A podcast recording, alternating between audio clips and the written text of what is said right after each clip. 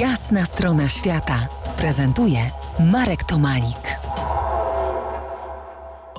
U stóp tajemnej góry Uluru w sercu Australii stanąłem trzykrotnie w 1990 roku, w 2004 i całkiem niedawno 25 października 2019 roku. To był ostatni dzień, kiedy można było wspinać się na te święte góry aborygenów.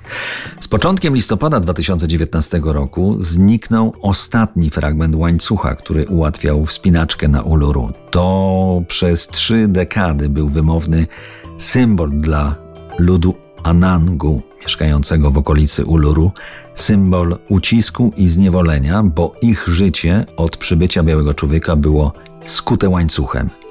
Okowy na szyję, mordy i masakry. Zniknął też kopiec na szczycie góry, który miał być symbolem podboju mitycznego środka Australii, końcem tajemnicy, początkiem nowej epoki całego kraju. Jak przekonać białych Australijczyków, że kultura rdzennych ludów jest im niezwykle potrzebna, bo na niej mogą zbudować kręgosłup, tożsamość narodową nowej, odrodzonej Australii? Zapytałem o to profesora Marka McKenna z Uniwersytetu w Sydney, który napisał świetną książkę pod tytułem Powrót do Uluru. Yeah, uh, good question.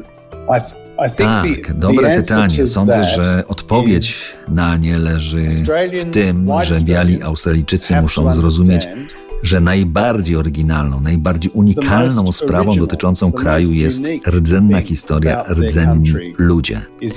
To jest prawdziwie unikalne, najważniejsze dla Australii. Jeśli patrzysz na miasta jak Sydney, Melbourne, Brisbane, to one wiele mają wspólnego z Nowym Jorkiem, Londynem czy Warszawą niż y, z centrum Australii, albo z, albo z północą Australii, albo z jej dalekim uh, zachodem. To, co czyni Australię wyjątkową, oryginalną i unikalną, to kultura rdzenna. Za cztery dni będzie Australia Day, święto narodowe. Znów będą pikiety, aby zmienić datę święta tego właśnie święta na inną, bo rdzenni Australijczycy, tak zwani First Nations, pierwsze narody uważają, ją za celebrację kolejnej rocznicy okupacji Australii przez Europejczyków. I jeszcze więcej białych Australijczyków poprze te protesty, więcej niż w ubiegłym roku i w poprzednich latach. Więc łatwo przewidzieć, że tempo wzrostu świadomości jest stałe w sensie geometrycznym.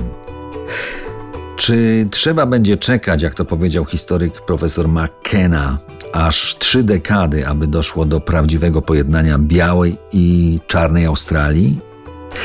Nie znam odpowiedzi na to pytanie. Przez lata przyglądając się Australii, intuicyjnie czuję, że McKenna może mieć rację. To jest niestety słona cena, jaką Australia zapłaci za ponad 200 lat ignorancji. To była jasna strona świata w RMF Classic.